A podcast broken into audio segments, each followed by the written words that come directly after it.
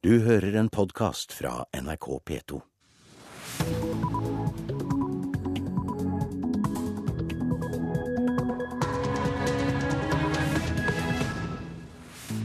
Velkommen til Nyhetsmorgen på denne valgdagen. Klokka er 6.30 i studio i dag, Anne Gjertlund Hansen, og dette er hovedsakene våre. Det nye stemmeopptellingssystemet i Oslo skal nå være i orden, men helt sikre er vi ikke før stemmene telles opp i kveld. Valgobservatører fra elleve land i det tidligere Sovjetunionen skal overvåke dagens stortingsvalg. Og bare litt over halvparten av tredjeklassingene her i landet går eller sykler til skolen, resten blir kjørt. Målet er at 80% av elevene skal komme seg til skolen for egen maskin, men da må det legges til rette. Mange har jo en kronglete skolevei, så det kan jo være trygt å få de av gårde på en, på en eh, skikkelig måte. Det må jo legges til rette hvis de virkelig ønsker 80 Først denne halvtimen skal det handle om feilene som er avdekket i det nye elektroniske valgopptellingssystemet i Oslo. Først i kveld så vet vi helt sikkert om stemmeopptellingen går raskt og greit slik den skal. Det sa Oslo kommune til NRK i går kveld, etter helgens testing av valgsystemet i hovedstaden. I dag så er det valg i alle landets kommuner, og lederen for valget i Molde testet systemet sitt senest i går kveld. Vi gjør det for vår egen del, og det ser ut som at det fungerer sånn som det skal i Molde. Mariann Abelvik er leder for valget i Molde, og hun forventer at opptellingen i dag går på skinner. Men Abelvik har talt stemmer for hånd også tidligere, så uansett systemer, din stemme telles med når oppgjørets time kommer. Telle manuelt har jeg vært med på mange ganger. Det går fint, det òg. I Oslo var byens ordfører Fabian Stang kritisk til feilene i det elektroniske valgadministrasjonssystemet EVA i helgen. Men eh, vi har prøvd å advare statsråden siden mai, eh, hvor vi fant de første feilene. Eh, og opplever nå at de ikke er blitt tatt på alvor. Det er etter min mening helt meningsløst å kjøre en test dagen før selve valget. Kommunal- og regionaldepartementet mente imidlertid at alt var i orden i går kveld. Samme forsikring fikk for øvrig NRK på fredag ettermiddag, og det var før feilen i Oslo gjorde opptellingen usikker. Velgerne svikter imidlertid ikke. Ja, vær så god. Og i Tromsø mener velger Lisbeth Karlsen at det er viktig at du bruker din stemme. Ja, I demokrati så må man det. Det er viktig. Veldig viktig. Hver stemme teller. Mm. Og i Molde ser det ut til å bli bra oppslutning og bedre enn før. Basert på søndagens oppmøte, sier Ann Mari Abelvik. Eh, det ser veldig bra ut, og kanskje litt bedre enn vanlig. Reporter her, det var Hedvig Bjørgum. 34 valgobservatører fra 11 land i det tidligere Sovjetunionen skal overvåke dagens stortingsvalg. Feilene ved det nye valgopptellingssystemet i Oslo får observatørene til å følge ekstra godt med. Men ikke alle var klar over systemsvikten da de forhåndsstemte i går. Da har du akkurat eh, forhåndsstemt. Ja. Hadde du fått med deg at eh, det ble oppdaga en feil i tellesystemet i går kveld? Nei, overhodet ikke. Det går jo ikke an, rett og slett. Det er ikke bare denne velgeren som er bekymret. Hvis valgopptellingssystemet i Oslo svikter igjen, kan det ta flere dager før resultatet fra Oslo-valget kan offentliggjøres. Nå skal internasjonale valgobservatører fra det tidligere Sovjetunionen følge ekstra nøye med. Jeg kan ikke si om folk har grunn til å engste seg, men vi skal følge opp og kanskje komme med forslag til forbedringer, sier valgobservatør Goran Petrov fra Makedonia når vi snakker med ham utenfor Oslo rådhus. Uh, uh, are, uh, when they are introducing a new system, that they are concerned if system will, is going to work or not. But we are here to uh, observe this process and um, until the end, and then uh, uh, pro provide a, a, report, maybe some two months after the elections, including findings and potential recommendations how to improve the system. Petrov og de andre valgobservatørene kommer fra Organisasjonen for sikkerhet og samarbeid i Europa, OSSE. De er på plass flere steder. Men vi jakter ikke på problemer, sier Petrov.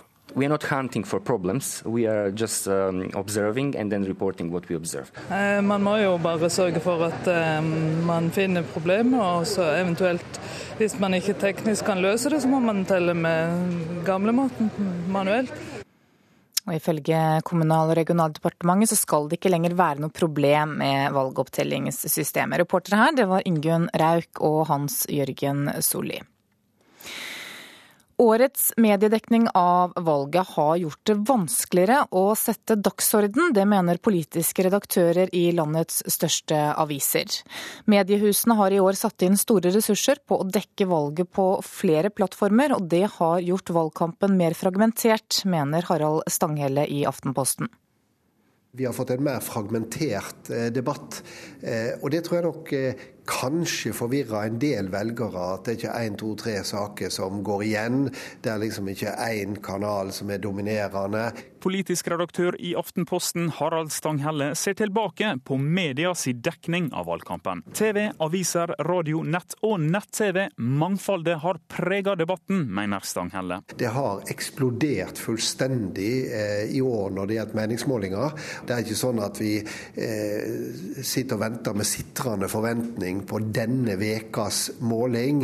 Og Sånn sett så har det devaluert målingene sin verdi. Vi er på plass her fra våre redaksjonslokaler i Akersgata i Oslo for å gi deg en rykende fersk partimåling nå kun få dager før Stortinget. VG er et av mediehusene som denne gangen har satsa bredt, med egne direktesendinger og nye meningsmålinger hver dag. Nå skal vi diskutere sexkjøpsloven. Og... Også Dagbladet har hatt direktesendinger på nett. Jeg har aldri vært programleder før, så det er liksom veien blir til mens det går. En av de som har stått foran kamera, er politisk redaktør Marie Simonsen.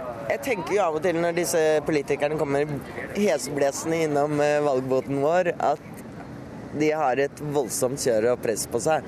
Men så tenker jeg jo også at de har eh, utrolig mange kanaler å komme ut med budskapet sitt. Nå ser du at, eh, at det er ikke ett tema som får dominere. Og hvis det er en sak som er så svær at den liksom går i alle kanaler, så varer det bare noen timer omtrent, eller høyden en dag.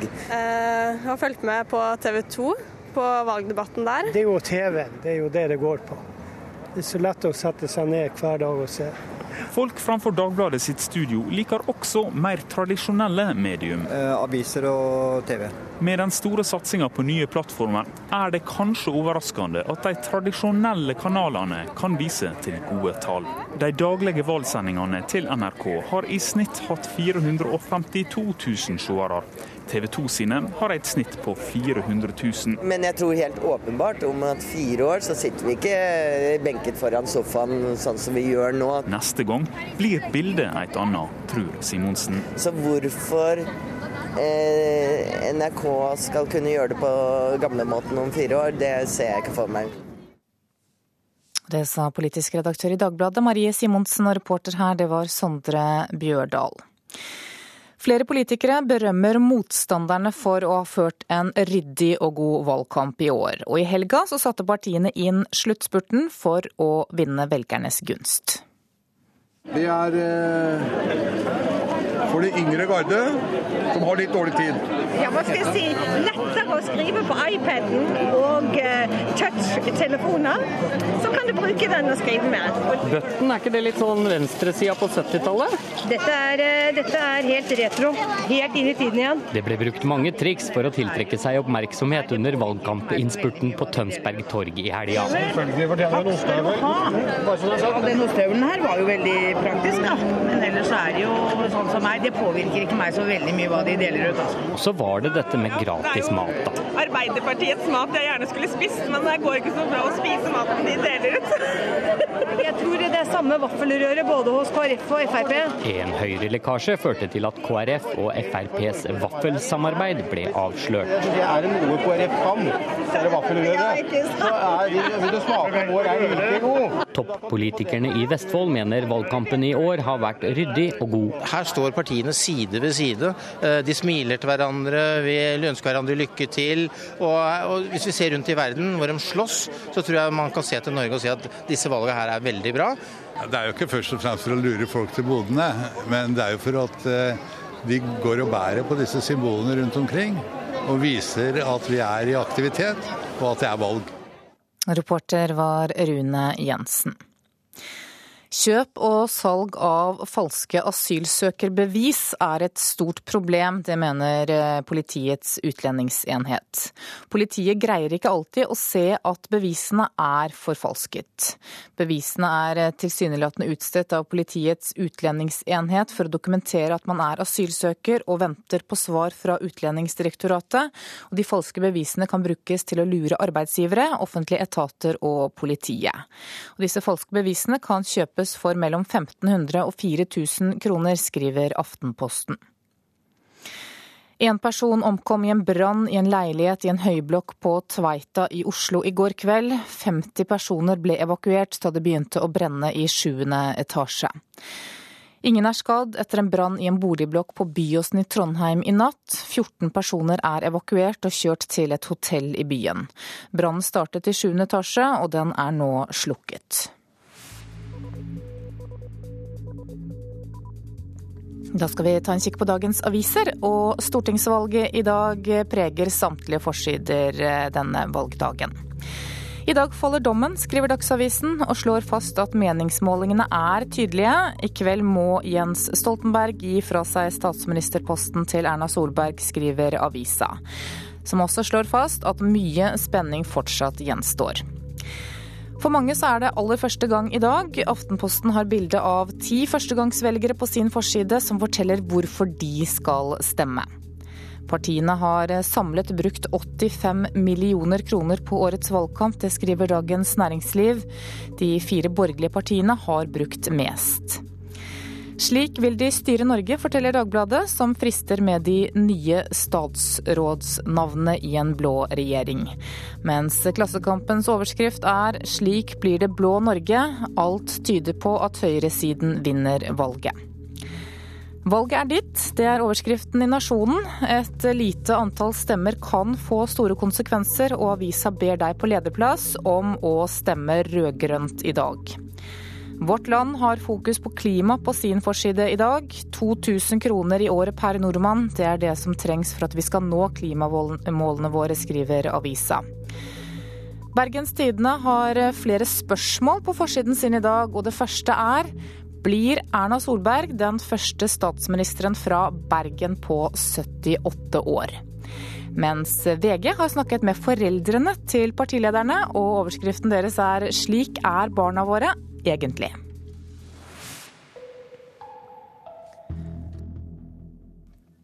Da skal vi ha sport her i Nyhetsmorgen.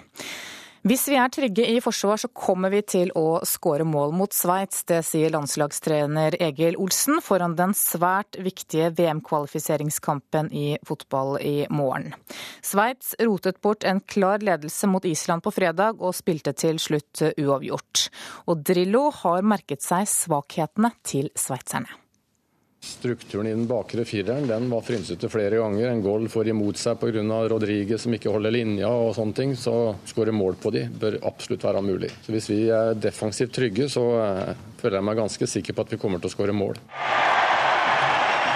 Det var bare Norge som hadde skåret mot Sveits i VM-kvalifiseringen før målene fra Island rant inn fredag. En 4-1-ledelse ble til utrolige 4-4. Og nettopp det har gitt Norge og Drillo en ekstra dose selvtillit foran morgendagens kamp. Det, de så ikke så solide ut nå. Uh, naturligvis litt pga. en annen motstander og annen innstilling og det der. Og de så faktisk ut som at det, det er et lag som vi, vi kan slå. Mohammed Abdelawi spilte ingen stor kamp mot Kypros og er lysten på å vise seg frem mot Sveits. Han mener Norge må tørre å ta styringen. Vet vi at vi må ta vare på de sjansene vi får, og, og tørre å, å, ta ned ballen og spille når vi har mulighet til det. Og ikke gi fra oss ballen for lett. Kaptein Brede Hangeland håper Norge klarer å hente frem noe av det positive spillet fra 1-1-kampen mot Sveits i fjor. Det ble jo en taktisk batalje òg, der vi må prøve å forsvare oss godt og, og, ta de mulighetene som byr seg.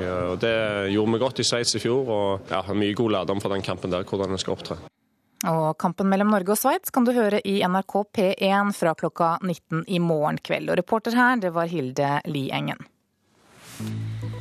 Du hører på Nyhetsmorgen nå i NRK P2 og Alltid nyheter. Klokka er 6.44, og dette er hovedsaker i nyhetene i dag.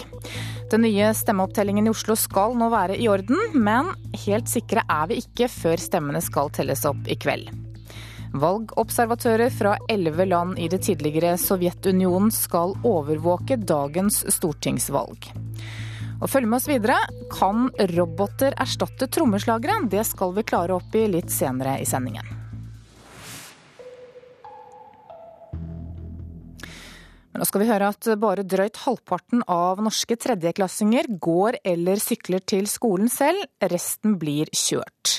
Mens målet er å få langt flere enn i dag til å bruke beina, så blir hver tredje elev i tredje klasse kjørt av foreldrene sine.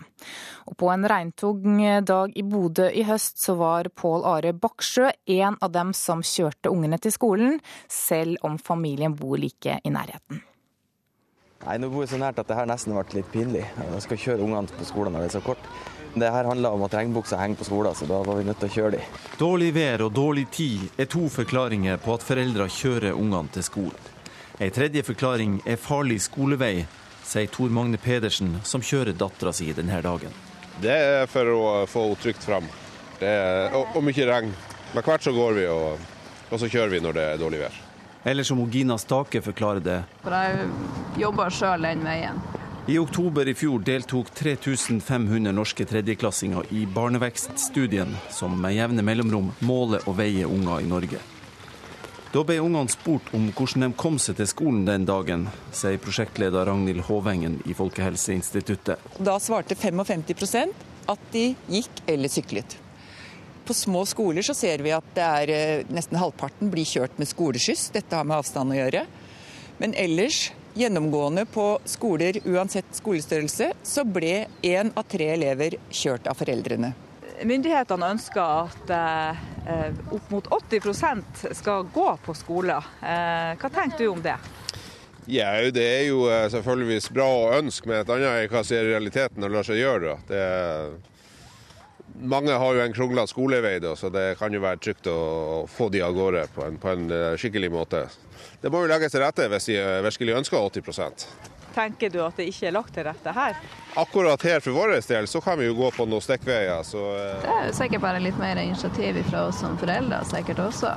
Og oppfordre ungene til kanskje å gå i lag. Men eh, vi vet jo at det er mange som har store utfordringer med å sende ungene over trafikkerte veier. Aminda og Julie trossa regnværet i Bodø denne dagen og sykla til skolen. Fordi det er artig. Da slipper jeg å kjøre. Enn du da, du var veldig våt på buksa di. Regnbuksa mi var på skole. Hvordan blir det nå i dag da, når du er så våt? Ikke så farlig. Vi skal på svømming. Hver tredje elev i Norge blir altså kjørt til skolen i foreldrene sin bil, men ikke tolv år gamle Kine i Bodø. Og så mener de at jeg må gå eller sykle for at jeg skal holde meg i form. Hva mener du om det? Jeg mener de har rett, egentlig. Jeg vil jo ikke være lat, så sykler jeg til skole hver dag. Det var tolv år gamle Kine Christensen som ikke ville være lat. Reportere her var Monica White Martinsen og Kjartan Røslett. Over til deg, fungerende direktør i Trygg Trafikk, Tori Grytli, velkommen. Takk skal du ha. Vi hørte foreldre som var bekymra for farlige skoleveier her. Hvor godt er skoleveiene rundt om i landet sikret? Nei, Det er jo veldig stor variasjon i skoleveiene i Norge. Det er veldig stor forskjell fra mange tettbygde strøk der skolene ligger i nærmiljøet, til eh, områder der, eh, som har lang skolevei, og der det er farlig skolevei. Ja, Hva er de største farene på disse farlige skoleveiene? Nei, Det er jo ofte mye trafikk, eh, og at ikke det er lagt til rette for gående og syklende. Det er jo det store problemet. Hva blir konsekvensene da, når så mange barn blir kjørt til klasseromsdøra? Nei, For det første så blir det jo mye mer trafikk, og det blir farligere for de som går der eh, i utgangspunktet.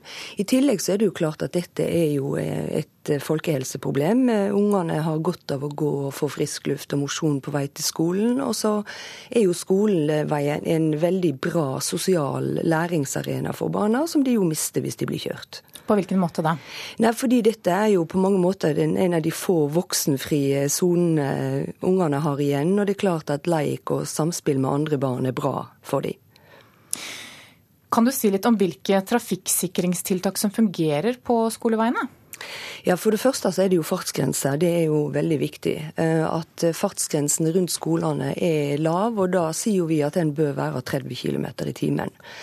Eh, I tillegg så bør det jo være fysiske eh, tiltak som gjør at farten faktisk holdes på 30 km. For erfaringer fra kontroller ved skolestart i høst f.eks., den viser jo at veldig mange foreldre kjører altfor fort rundt skolene. Og det er jo veldig farlig faktisk for de andre barna som er ute og går. Hvorfor er det sånn, tror du?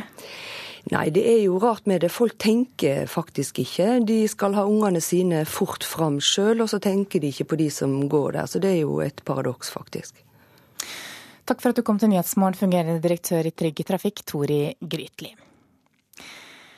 Det skal det handle om eh, boligsalg, for det er nå rekordmange boliger til salgs. I Hedmark og Oppland så har det så langt i år vært en nedgang på 10% i antallet solgte boliger. Og noen boligselgere må være svært tålmodige. Her ser du tømmeret i naturfarge, sånn som det var opprinnelig. Rolf Snoen viser oss rundt i eneboligen han har for salg i Lillehammer. Tømmeret ser du har eh, levd livet, men da mener vi er det riktig. da. At du skal se at det er tømmer. Dette er et skikkelig tømmerhus? Ja, det er det. er rent tømmer, hele greia. Med betydelig sjel i veggene? Ja, det er det. Ja. Likevel har salget gått treigt. I 201 dager har boligen nå vært til salgs. Nei, det er jo, det er jo tungt. Eh, det tar på humøret og nattesøvnen til dels, og vi ser det jo veldig godt på bankkontoen. Snoen og kona har kjøpt ny enebolig, og i over et halvt år har de hatt 17 000 kroner i ekstra utgifter hver eneste måned. Så da er feriepenger godt og vel, eh, og litt sparepenger. Eh, og så ser vi på det. Altså, som sagt, Nå nærmer vi oss en grense der det ikke det er mulig. Det er mulig at vi kan greie det med et privatlån, får vi se litt på. Og Rolf Snoen er ikke alene. Nå er det rekordmange boliger til salgs i Lillehammer, ifølge eiendomsmegler Fridtjof Loen. Eh, sist jeg sjekket på Finn, så er vi nærmere 170 boliger, og det er, eh, det er litt uh, uvanlig. Uh, jeg har ikke sett høyere tall. Alle boligene som ikke ble solgt før sommeren, har nå fått konkurranse av boliger som er lagt ut i høst. Eh, når det er såpass mye eiendommer ute, så, så, gir det seg selv at det er litt sånn kjøpers marked. Og det er jo da eh, de eiendommene med god beliggenhet og ikke minst også pris som vil eh, gå unna først. Det er nå over 15 000 boliger for salg i Norge. Det er en økning på mer enn 10% i forhold til samme tid i fjor. Det er ei god tilbudsside her, og det er fint for dem som skal kjøpe. Da har de mye å velge i. Sier Thomas Heimdal, leder i Eiendomsmeglerforeningen i Hedmark og Oppland. Han forteller også om færre salg. Antall omsetninger i hittil i år sammenlignet med i fjor har gått ned ca. 10% Prisene har så langt i år økt med 5-6% både i Innlandet og i Norge. Likevel, med rekordmange boliger, for salg er mange spente på høsten og vinteren. Men for noen har boligsalget gått på skinner. Visning på lørdag, og på mandag eh, klokken tolv var huset solgt. Sier Petter Rønningen, den tidligere OL-direktøren som solgte villaen sin midt i Lillehammer for 6,4 millioner kroner. Og det er mye for en bolig i Lillehammer. Ja, det er vel en liten sånn indrefilet som lå igjen i, i Lillehammer. Og det sa en fornøyd boligselger Petter Rønningen til reporter Geir Rød. Det internasjonale pengefondet anslår at norske boligpriser er 40% for høye. I årets rapport advarer fondet mot et voldsomt boligkrakk. Ifølge pengefondet så er det bare Canada som muligens har mer overprisede boliger enn Norge. Sjeføkonom i Ny Analyse Terje Strøm sier til nettstedet E24 at han ikke tror det kommer noen kollaps, fordi norsk økonomi er så solid. I nabolandene våre, Danmark, Sverige og Finland, vurderer pengefondet boligprisene til å være mellom 10 og 22% for høye. Letemannskapene har eh, fortsatt ikke funnet spor etter basehopperen som har vært savnet i Vassbygdi i Aurlandsdalen i Sogn og Fjordane siden i går kveld. Dette er den tredje ulykken med basehopping i Aurland i sommer. Mannen hadde hoppet sammen med en kamerat og ble meldt savnet da han ikke kom ned som avtalt. Letingen ble avsluttet klokka halv fire i natt, men den blir tatt opp igjen nå når det lysner. Kan roboter erstatte trommeslagere? Det har forsker Aksel Tidemann forsøkt å få svar på. Han har nemlig utviklet en kunstig intelligent trommeslager som lærer og utvikler seg som menneskehjernen. Bak trommesettet sitter forsker ved Institutt for datateknikk og informasjonsvitenskap ved NTNU, Aksel Tidemann.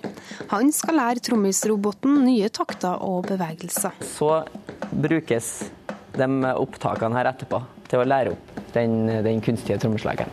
Og den fungerer veldig sånn som mennesker gjør, altså ved å imitere. Da. Det er jo en sånn veldig enkel egenskap, sånn som vi gjør, som, som barn gjør veldig lett. Og det er det samme prinsippet for uh, å trene opp denne trommeslageren.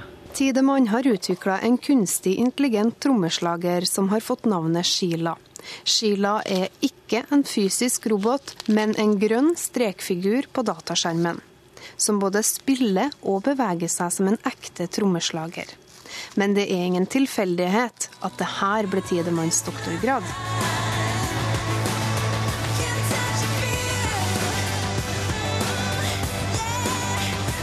Under den internasjonale finalen i Melodi Grand Prix var det forsker Tidemann som spilte tromma da Margaret Berger sang seg inn til en fjerdeplass. Hans hobby ble hans forskningsprosjekt. Altså, det er jo eh, en fare for at jeg gjør både meg sjøl og alle mine trommekompiser arbeidsløse. Mens Aksel spiller, beveger Sheila seg på dataskjermen. Hun beveger seg som Aksel, og spiller også trommer som han. Til forskjell fra en trommemaskin som kan spille rytmemønster helt perfekt, lærer Sheila seg de små variasjonene som menneskelige trommiser gjør når de spiller. Den kan spille rytme X i stil av trommeslaget, f.eks. min kompis Inge da, eller min kompis Tony. Men en annen mulig anvendelsesområde hadde vært f.eks. i dataspill som eh, Guitar Hero eller rockband. Kunne brukt denne forskninga, kunne den eh, spillpersonen også ha beveget seg i forhold til hvordan han sitter og spiller spille, da. Ifølge professor i musikkteknologi ved NTNU, Øyvind Brandtzæg, er det her banebrytende forskning og kan påvirke musikkproduksjon i framtida. Det er ikke gjort noe som jeg vet om av denne typen. Og når vi får det her enda mer integrert i produksjonsverktøy for musikk, så vil det være utrolig spennende å se hvordan det vil påvirke måten vi kan lage musikk på. Og det sa Øyvind Brandtzæk, som er professor ved Institutt for musikk ved NTNU. Og reporter var Kaja Kristin Næss. Løgn, kaos, kjedelig, visvas, tafatt. Dette var eh, noen av de ordene som ble sendt inn da vi spurte folk om å oppsummere valgkampen 2013 med tre ord. Flesteparten av ordene som kom inn var negative. Hvorfor det? Har eh, nordmenn et dårlig forhold til politikk og valgkamp? Vi lar språk- og politikkekspertisen svare i Radioselskapet på P2 klokka 11. Og akkurat nå så nærmer klokka seg sju, og vi skal se på et værvarsel som gjelder til midnatt. Fjellet i Sør-Norge kan vente seg østlig bris, stedvis frisk bris, mulighet for litt regn sør for Finse. Ellers delvis skyet oppholdsvær og til dels pent vær i nord. Østlandet må belage seg på østlig bris i dag, delvis skyet og til dels pent vær. Telemark nordøstlig bris, skyet eller delvis skyet og stort sett oppholdsvær. Agder skiftende bris, av og til frisk bris på kysten. Regn av og til kan hende lokalt, mye nedbør i sørvestlige områder. I Rogaland er det ventet vestlig bris i dag. I ettermiddag økning til nordlig frisk bris på kysten, og regn av og til. Hordaland sørlig opp til frisk bris på kysten. I kveld dreiende nordlig, for det meste skyet. Regn av og til, særlig sør for Bergen. Sogn og Fjordane skiftende bris, skyet eller delvis skyet og stort sett opphold. Møre og Romsdal skiftende bris, til dels pent vær, men periodevis mer skyet, særlig på Sunnmøre. Trøndelag, Nordland og Troms sørøstlig bris, frisk bris utsatte steder, stort sett pent vær og lokal morgentåke i indre strøk. Finnmark kan vente seg dreining til sørlig bris i dag. For det meste lettskyet pent vær og lokal morgentåke på vidda. Og på Nordensjøland på Spitsbergen er det ventet skiftende bris i dag. Skyet eller delvis skyet og spredte regnbyger. Så skal vi ta med noen temperaturer som ble målt klokka fem. Da hadde Svalbard lufthavn fire grader, Kirkenes fem. Vardø åtte, Alta 3, Tromsø-Langnes 4, Bodø 13, Brønnøysund 19, Trondheim-Værnes 14, Molde 11, Bergen-Flesland 14, Stavanger 13, Kristiansand 15, Gardermoen og Lillehammer 9, og på Oslo-Blindern så var det 14 grader da klokka var fem i dag morges.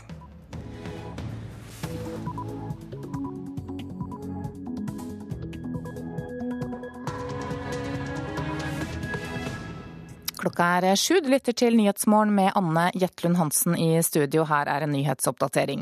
Det er flere unge menn enn unge kvinner som stemmer. Jeg tror kanskje gutter sånn generelt kan være mer engasjert og kanskje har en, et større behov for å bli hørt. da. Politikerne sier at de er fornøyd med valgkampen, men mange mener at den har vært alt annet enn spennende. Kjedelig. Kjedelig? Ja, det? Ingen store saker. Er, eh, den bare avspeiler hvor godt vi har det. Det har vært harde kamper i den kristne byen Malula i Syria. Flere og flere utlendinger som er her ulovlig, blir tatt med falske asylsøkerbevis, sier politiet. Og bare litt over halvparten av tredjeklassingene her i landet går eller sykler til skolen. Resten blir kjørt. Men ikke tolv år gamle Kine i Bodø. Jeg vil jo ikke være lat, så sykler jeg til skole hver dag. Nyhetsmorgen. Og først denne halvtimen skal vi starte med at unge kvinner stemmer sjeldnere enn unge menn.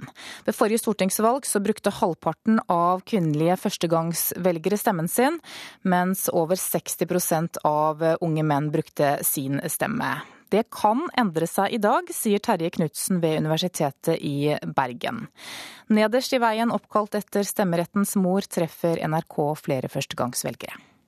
Det er til Dagsnytt på morgenen. Fem venninner i enden av Gina Krogs vei. Oppkalt etter kvinnen som skaffet dem stemmerett for 100 år siden. Ja, ikke bare meg, altså. Men det er ikke lett å låne stemmen til disse førstegangsvelgerne.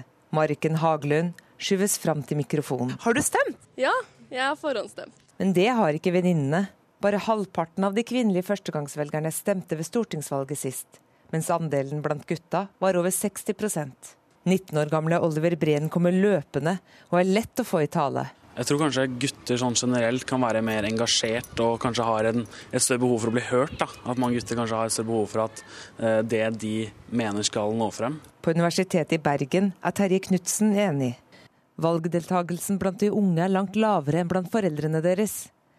Det tror forskeren vil endre seg ved årets valg, både for unge kvinner og menn.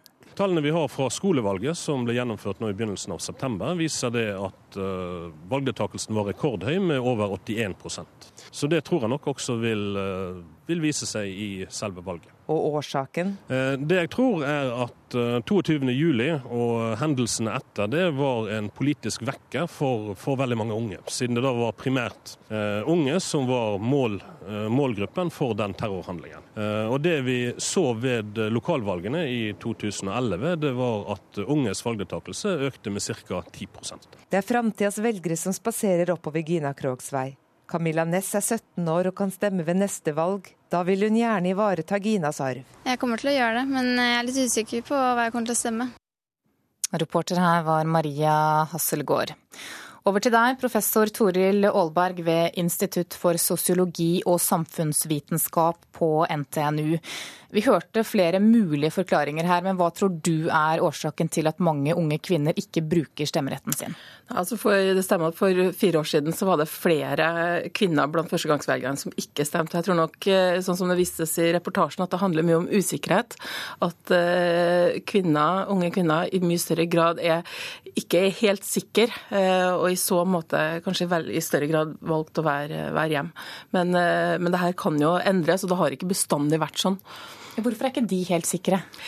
Nei, altså sånn som det var, kom inn på her, så, så er det et eller annet med at uh, det handler litt om interessen, altså den selverklærte politiske interessen som kanskje er litt, eh, litt høyere blant, uh, blant, menn. Men også det at man altså Det ble henvist til at man var mer skråsikker som, som ung mann, og det, det, stemmer nok litt. altså Vi, vi ser jo på meningsmålinger sånn også bl.a. At, at kvinner i mye større grad sier 'vet ikke', mens, mens menn gir uttrykk for meninga si. Det viser seg likevel at dette kan snu, for blant andregangsvelgerne så er det nemlig motsatt. 60% unge kvinner, mens 50% unge menn stemmer. Hvorfor er det sånn? Nei, og Det var jo første gang i 2009 at du så det mønsteret. Altså, tidligere så har det vært litt sånn at eh, de yngste kvinnene eh, stemte i litt større grad enn menn. Ikke stor forskjell. og Likedan for to år siden så, så var, var, det på samme, samme, måte. Så jeg tror nok at det, i år igjen at det kan være sånn at det, de yngste kvinnene kanskje er på, på linje med menn, eller kanskje til og med litt mer. Hva skal vi gjøre da for å mobilisere de yngste velgerne? Nei, altså Det handler jo om å engasjere i forhold til de sakene de er opptatt av, og, og informere, rett og slett. Altså En av de viktige grunnene til at man i liten grad benytter seg av stemmeretten, det er at man eh, syns det er vanskelig å skille mellom partiene. At man har lite informasjon om man på en måte er fersk i det her eh, demokratiopplegget. Og så sier du at det kan endre seg ved årets valg. Hvorfor det? Nei, delvis fordi at vi også har sett det mønsteret tidligere. Så 2009 var i så måte et litt sånn avvikende mønster. Eh, og fordi at vi, vi vet at også unge jenter ofte er litt sånn pliktoppfyllende, sånn at man, man gjør det man, eh, som krever av dem. Og så så vi også da en, en liten økning i, i 2011 etter Utøya bl.a. Toril Aalberg, du blir med oss eh, videre, for nå skal det handle om valgkampen. I går så var mange valglokaler åpne, og på Gran i Oppland så strømmet folk til valgurnene. Men mens politikerne er godt fornøyd med valgkampen, så er ikke alle velgerne like imponerte. Bente Ødegård fra Gran er en av dem. Kjedelig. Kjedelig? Ja, kjedelig. Hva mener du med det? Ingen store saker. Det er, eh, den bare avspeiler hvor godt vi har det. Så du har egentlig ikke sittet pall foran TV eller noen ting, du da? Nei. Hørt alt før. Og så har du bestemt deg? Ja, det har jeg. Det er lenge siden. Bente Ødegård sier det som flere andre bekrefter, nemlig at folk ikke er interessert i ivrig politikervalgkamp og massiv mediedekning. Det har vært helt greit for min del, men jeg har visst hele tida hva jeg skal stemme, så Ja, Så du har ikke blitt påvirket av selve valgkampen? Nei. Er du blitt påvirket sånn at du har, liksom stemt, har stemt nå etter å ha sett valgkampen? Nei. Ikke endre.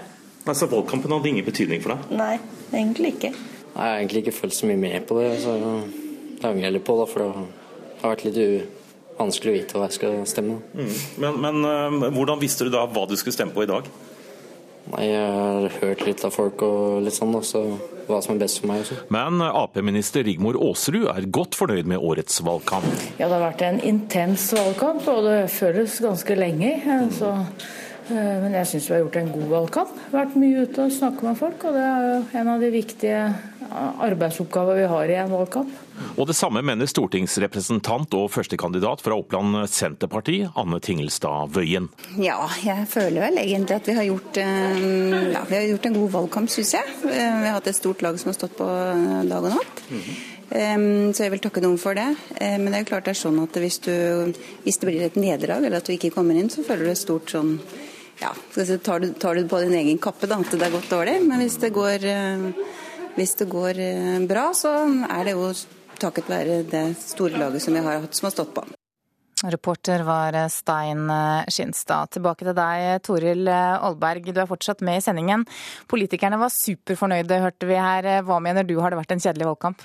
Ja, Det er jo forskjell på at det er en spennende valgkamp og at politikere er fornøyd med egen innsats. Eh, jeg er nok enig i at det her ikke har vært en veldig spennende valgkamp, eh, ut ifra at det ikke har vært noen store, nye saker som ikke i noe særlig grad har vært diskutert tidligere.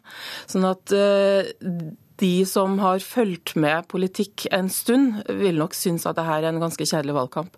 Men samtidig, så det som har vært positivt, har jo vært at det har vært veldig stort fokus. Vært, altså Noen kaller det fragmentert, andre kaller det mangfoldig. Det har vært forskjellige typer saker som har vært opp.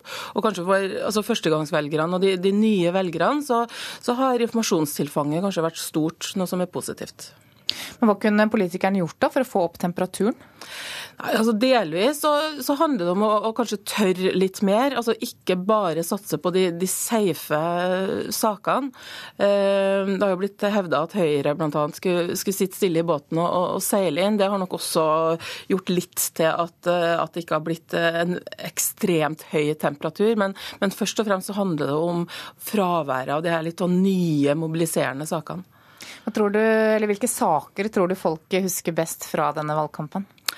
Jeg tror eh, altså Delvis så har det nok handla om, eh, om, helse og skole, som det har gjort de siste eh, stortingsvalgene. Men, men også selvfølgelig det her med økonomi og ansvarlighet er jo det som har, har stått igjen.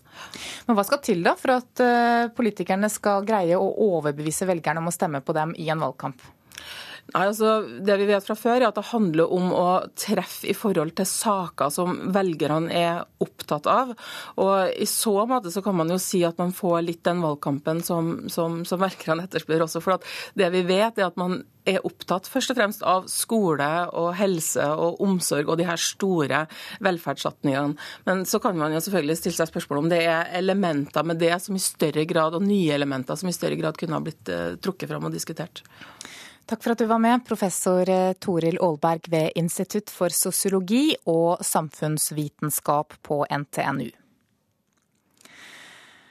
Svært mange tjuvstartet stortingsvalget og leverte sin stemmeseddel allerede i går ettermiddag. Og i Porsgrunn rådhus så var det rekordlang kø da lokalene åpnet klokka 16. Den første halvtimen har vært helt eh, ekstrem. Det har vært stor pågang kø ut i gangen og ned i de trappa. Det sier Porsgrunns ordfører Øystein Beyer. Han tok imot de mange som brukte søndag ettermiddag til å gjøre sin borgerplikt, nemlig avgi stemme ved stortingsvalget 2013. Ordfører Beyer mener pågangen i år er rekordstor. Jeg tror ikke det har vært så stor eh, kø tidligere eh, som jeg kan huske, og jeg har vært her noen år. Så det var veldig gledelig at eh, folk støtter opp om, om, valget. Og Jeg håper jo det fortsetter også utover kvelden og i morgen. For de fleste av de fremmøtte var det en selvfølge å gi sin dom via stemmeurnene. Det er viktig, det. Så har jeg ikke noe jeg skulle ha sagt etterpå. Jeg kan ikke klage da, hvis det ikke er stemmer. Det går ikke an. Selvfølgelig. Jeg vil jo være med på å påvirke samfunnet. Det samfunnet barna våre skal leve av. Og da var det like greit å gjøre det på en søndag. Nå har jeg en anledning til å stemme nå, da får man bare gjort det. Så har han, har i hvert fall gjort det. Rekker han det før det stenger i morgen. Fordi mandagen er så travel. Nå hadde vi god tid, så vi valgte det. Selv om vi er pensjonister. Selv om de borgerlige partiene har hatt et lite forsprang på meningsmålingene, mener flere at utfallet av valget er vanskelig å spå. Nei, det er så uvisst at det blir temmelig likt. Det kan like godt bli rødt som blått. Det er veldig spennende. Og det er det for alle nå, tror jeg, når de er så like. Mm. Vi får se i morgen kveld. Ja, det sa velgerne Turid og Knut Andreas Knutsen til reporter Knut Øyvind Hagen. Det er ikke slik at det er enkelt å vinne valget. Hvem jubler, og hvem kjemper med gråten? Jeg er veldig glad for at alle har lyst til å sitte i regjering med Høyre. Følg stemmetellingen og partienes valgvaker valgnatt i NRK P1 fra klokka 20 til langt på natt.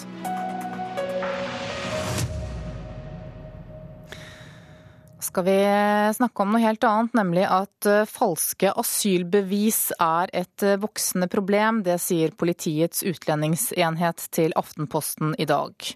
Enheten advarer nå politi over hele landet om å passe bedre på når de sjekker ID-kort. Ifølge Politiets utlendingsenhet omsettes det falske asylbevis i et stadig økende antall, spesielt i Oslo. Så langt er rundt 40 personer oppdaget med falske bevis. Kortene er ikke gyldig identifikasjon, men ofte nok til å få en jobb eller komme videre fra en politikontroll. Ofte skrives registreringsnummeret til en registrert asylsøker på kortet, og så endres bilde og navn. I ett tilfelle var en mann registrert med 14 forskjellige jobber, med en 152 timers arbeidsuke. Det er i hovedsak personer fra Afghanistan og Pakistan som så langt er tatt med falske kort, men ingen fører statistikk over omfanget av kriminalitet begått av asylsøkere. For mellom 1500 og 4000 kroner selges falske kort som bekrefter at personen er registrert asylsøker med arbeidstillatelse. Det er ofte skrivefeil og andre tydelige tegn på forfalskning på kortene. Politiets utlendingsenhet advarer nå politi over hele landet om å være mer påpasselige. Og Det sa reporter Jo Grunde Gudbrands. Nå er klokka 7.14. Du hører på Nyhetsmorgen, og dette er hovedsakene våre. Unge kvinner stemmer sjeldnere enn unge menn. Mange velgere mener at valgkampen ikke har hatt noen betydning for hva de stemmer. Og følg oss videre og hør at den nye mediehverdagen har gjort politikerne reddere, og valgkampen er blitt kjedeligere. Det mener statsviter.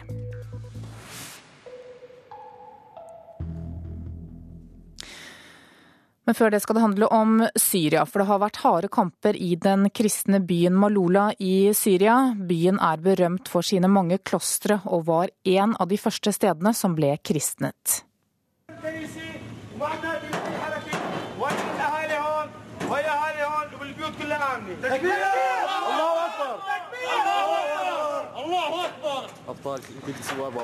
Vi hører eh, her lyden fra kampene i byen og islamister som roper 'Gud er stor'. Og Midtøsten-korrespondent Sigurd Falkenberg Mikkelsen, eh, det har kommet motstridende rapporter om hvem som har kontroll i byen. Hva er siste nytt nå? Ja, kampene har bølget fram og tilbake siden midten av forrige uke. Det begynte med et opprørsangrep og en bilbombe ved inngangen til byen. Så er kampene fortsatt gjennom helgen. Eh, ifølge kilder nær opposisjonen har de nå kontroll i byen, eh, mens regjeringen hevder at de har tatt tilbake kontrollen. Eh, det er umulig å uavhengig bekrefte. Det eneste jeg har sett av uavhengige journalister der inne, er russiske, en russisk journalist fra Russia Today som var med regjeringssoldatene inn. Og Der viste de i hvert fall helt tydelig at de var i vanskeligheter og måtte trekke seg tilbake. De ble beskutt fra fjelltoppene. Det som er nytt her, er at det fram til nå har vært en stilltiende overenskomst mellom opprørsstyrker og regjeringshæren om å ikke gå inn i denne symboltunge, og, uh, symboltunge byen. Du besøkte byen i fjor. Hvordan vil du beskrive den? Det er et uh, spirituelt sted. Uh, det er uh, utrolig vakkert. klemt inne i fjellene. kloster og kirker ligger tett i tett. Dette er et av de første stedene hvor eh, kristendommen eh, festet seg. Eh, det er også et av de stedene hvor den historiske arven er bevart. Det snakkes arameisk, og i hvert fall kan mange av innbyggerne arameisk, som er språket Jesus brukte. Og så har det da en, en arv. Det ble opprettet av en et helgen som heter Sankt Takla, som flyktet fra sine forfølgere. Eh, og Der ligger det også flere kloster tilegnet eh, henne. Hva sa folk du snakket med der? Altså, da jeg var der, så var det jo stor uro for at nettopp det som nå hender, skulle skje. Og de jeg snakket med, de, var, eh, de støttet uh, regimet, i hvert fall offentlig. Kanskje noe mer ambivalent privat, men på et av klostrene hang det f.eks. et bilde av president Bashar al-Assad. Og de mente at han beskyttet minoritetene. Og jeg traff en munk som også var svært bekymret for, for hva voldelige opprørsgrupper kunne gjøre hvis de rykket inn. Eh, samtidig så var det også en by som var rammet av eh, økonomiske problemer. Eh, kaféeiere som hadde gått konkurs. Jeg traff en ung jente som hadde avbrutt studiene pga. uroen.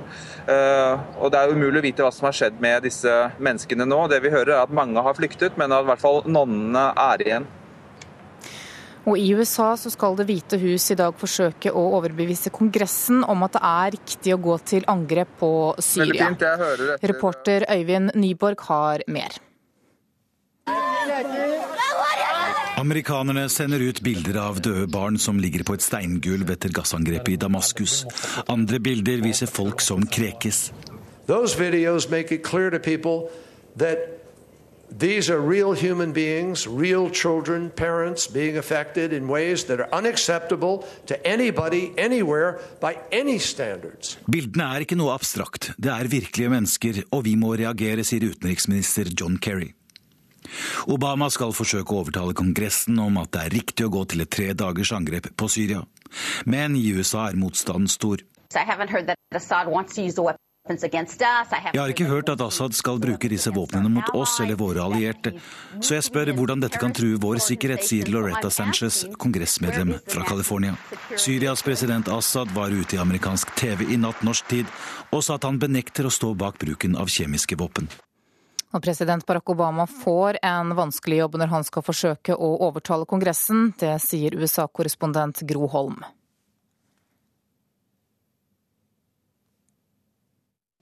Ja, Kongressen, begge kamre møtes klokka to lokaltid, dvs. Si klokka åtte norsk tid i kveld. og Da starter man litt forsiktig eh, å snakke om Syria, men dette skal pågå i dagevis. Det er ventet at Senatet skal ha en første avstemning eh, onsdag, men det er helt uklart om Kongressen kommer til å overhodet ha noe avstemning denne uka. Så dette kommer til å ta, gå langt ut i neste uke sannsynligvis før man har en avgjørelse. Hva gjør Obama nå for å forsøke å overbevise tvilerne? Han eh, skal ha eh, seks fjernsynsintervjuer i ettermiddag. I morgen kveld klokka ni lokaltid, klokka tre natt til onsdag, så skal han snakke til hele det amerikanske folk. Og det blir nok et av hans livs viktigste taler. For her er det jo eh, et hovedutfordring at kongressrepresentanten er veldig presset av sine velgere.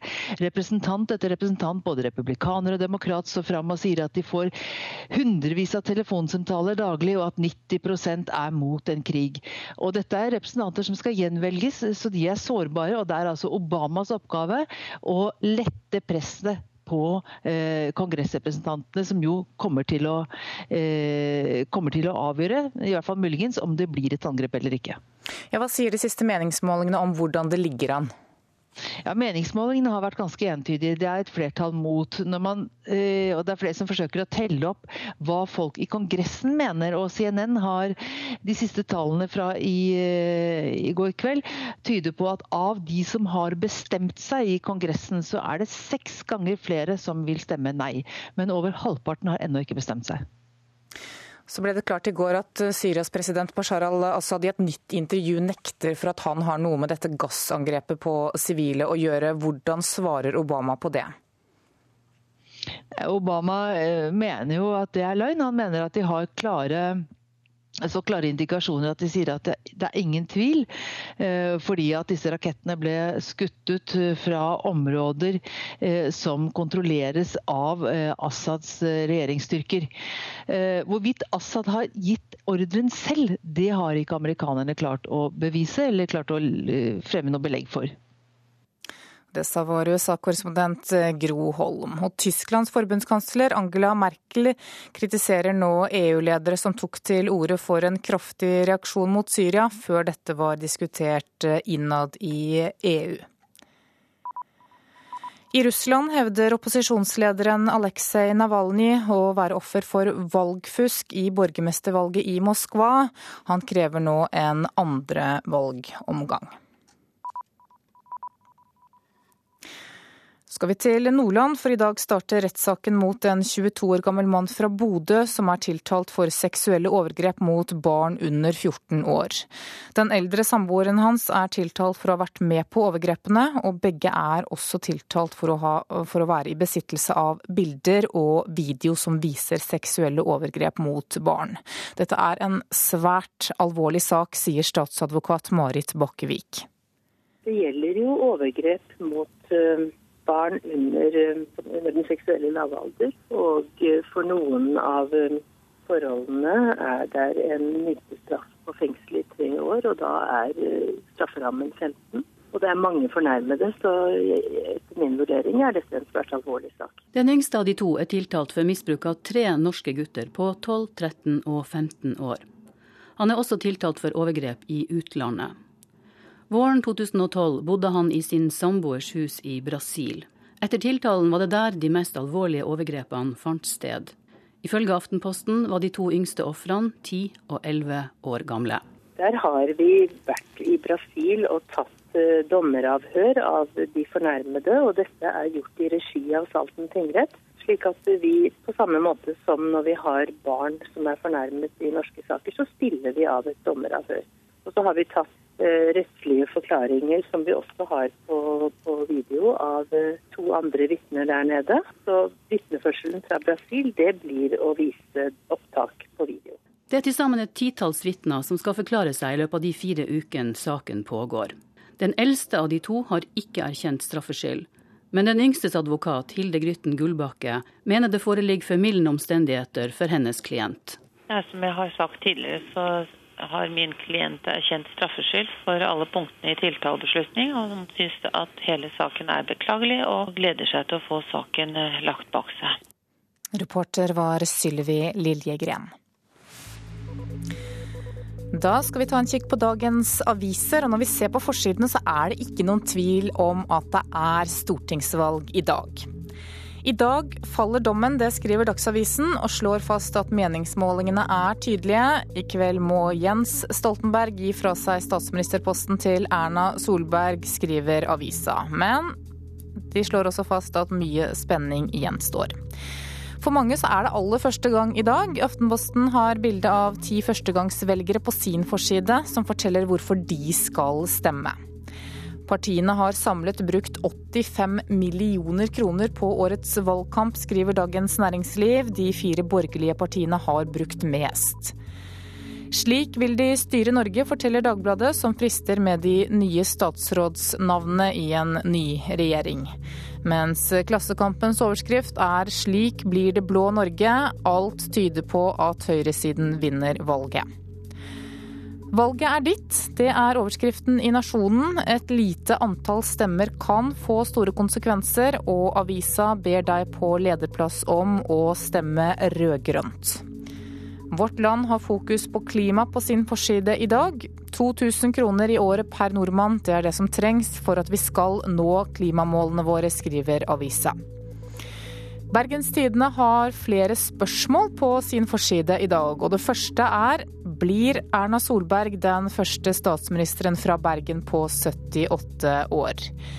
Mens VG har snakket med foreldrene til partilederne, og overskriften er 'Slik er barna våre egentlig'.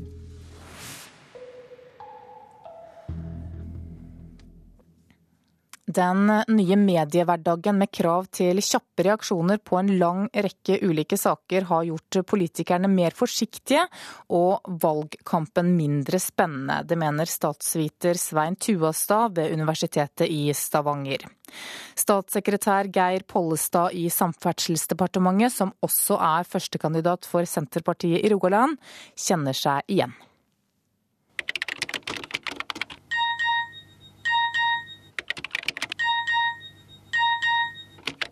Så tar vi det en kommenterer på Twitter og Facebook og eh, nettavis og annet, så, så, er det jo titalls eh, forskjellige saker. Og slik har dagene vært for travle politikere i snart en måned. Årets valgkamp har vært den første der den nye mediehverdagen har slått til for fullt, sier statsviter Svein Tuastad ved Universitetet i Stavanger. Nå er mediene hele tida, og folk ser på sin mobil og, og sjekker innom nettet. Og så er det nye ting hele tida. Hvis en har et utspill som kanskje kommer litt feil ut, eh, så vil jo det da spreie seg til, til flere medier ganske raskt. Sier Geir Pollestad, førstekandidat for Senterpartiet i Rogaland.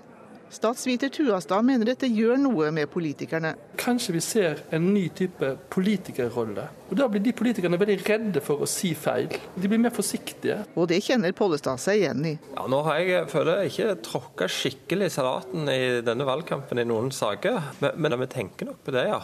At, at en skal være tydelig. Men, men det å liksom slå til skikkelig friskt, det tror jeg nok det er en viss fare for kan forsvinne og det er synd. Svein Tuastad mener også at valgkampen blir mer regissert av andre. Rådgiverne får en egentlig større rolle for hvordan de skal legge frem budskapet. Men det er ikke Geir Pollestad enig i. Der har Tuastad feil inntrykk av hvordan denne verden er. Eh, når jeg driver valgkamp, så har jeg ikke et korps med rådgivere rundt meg som sier hva jeg bør gjøre. Jeg driver denne valgkampen på egen hånd, og så spør jeg folk når jeg lurer på noe. Men vi gjør uendelig mye mer av jobben sjøl enn det jeg tror mange er klar over. Men de to er enige om at den nye mediehverdagen har gjort årets valgkamp mindre spennende. Jeg syns jo det har vært litt tamt. Eh, jeg skulle ønske at det var friskere utspill. En fri debatt det forutsetter egentlig at folk tør å hive seg litt sånn utpå. Men den nye medievirkeligheten den skaper en litt sånn reddere politikere, og det går egentlig litt ut over debatten. Og Da opplever vi det litt som, som litt sånn mindre ekte. Hvis vi føler det litt sånn mer styrt og sånn forhåndspygga, så blir det liksom mindre ekte debatt, og det er egentlig en uting. Jeg har sjøl hatt noen friske runder med Roy Steffensen i Fremskrittspartiet. Dessverre så diskuterte vi noen litt sånn sære momsregler, noe som ingen forsto helt vi egentlig diskuterte. Men der dro vi til skikkelig og, og kalte hverandre litt sånne ting som jeg ikke var så bra, da. Men, eh, men det var en frisk debatt. Eh, og det er klart, hvis du kunne fått mer trøkk inn, så ville det bidratt til at flere hadde hatt interesse for politikken. Så, så det er en fare at det kan bli for kjedelig. Reporter her, det var Marianne Terjesen. Du lytter til Nyhetsmorgen. Det italienske senatet kommer i dag sammen for å stemme over Silvio Berlusconis politiske fremtid. Det får du mer om i reportasjen etter Dagsnytt. Og nå som eh, valgkampen nærmer seg slutten til de grader, så er Politisk kvarter tilbake til vanlig lengde. Og der får du møte en brite, en svenske og en amerikaner som skal se på den norske valgkampen utenfra. Produsent for Nyhetsmorgen i dag, det er Marit Selmer Nedrelid, og her i studio Anne Jetlund Hansen. Du har hørt en podkast fra NRK P2.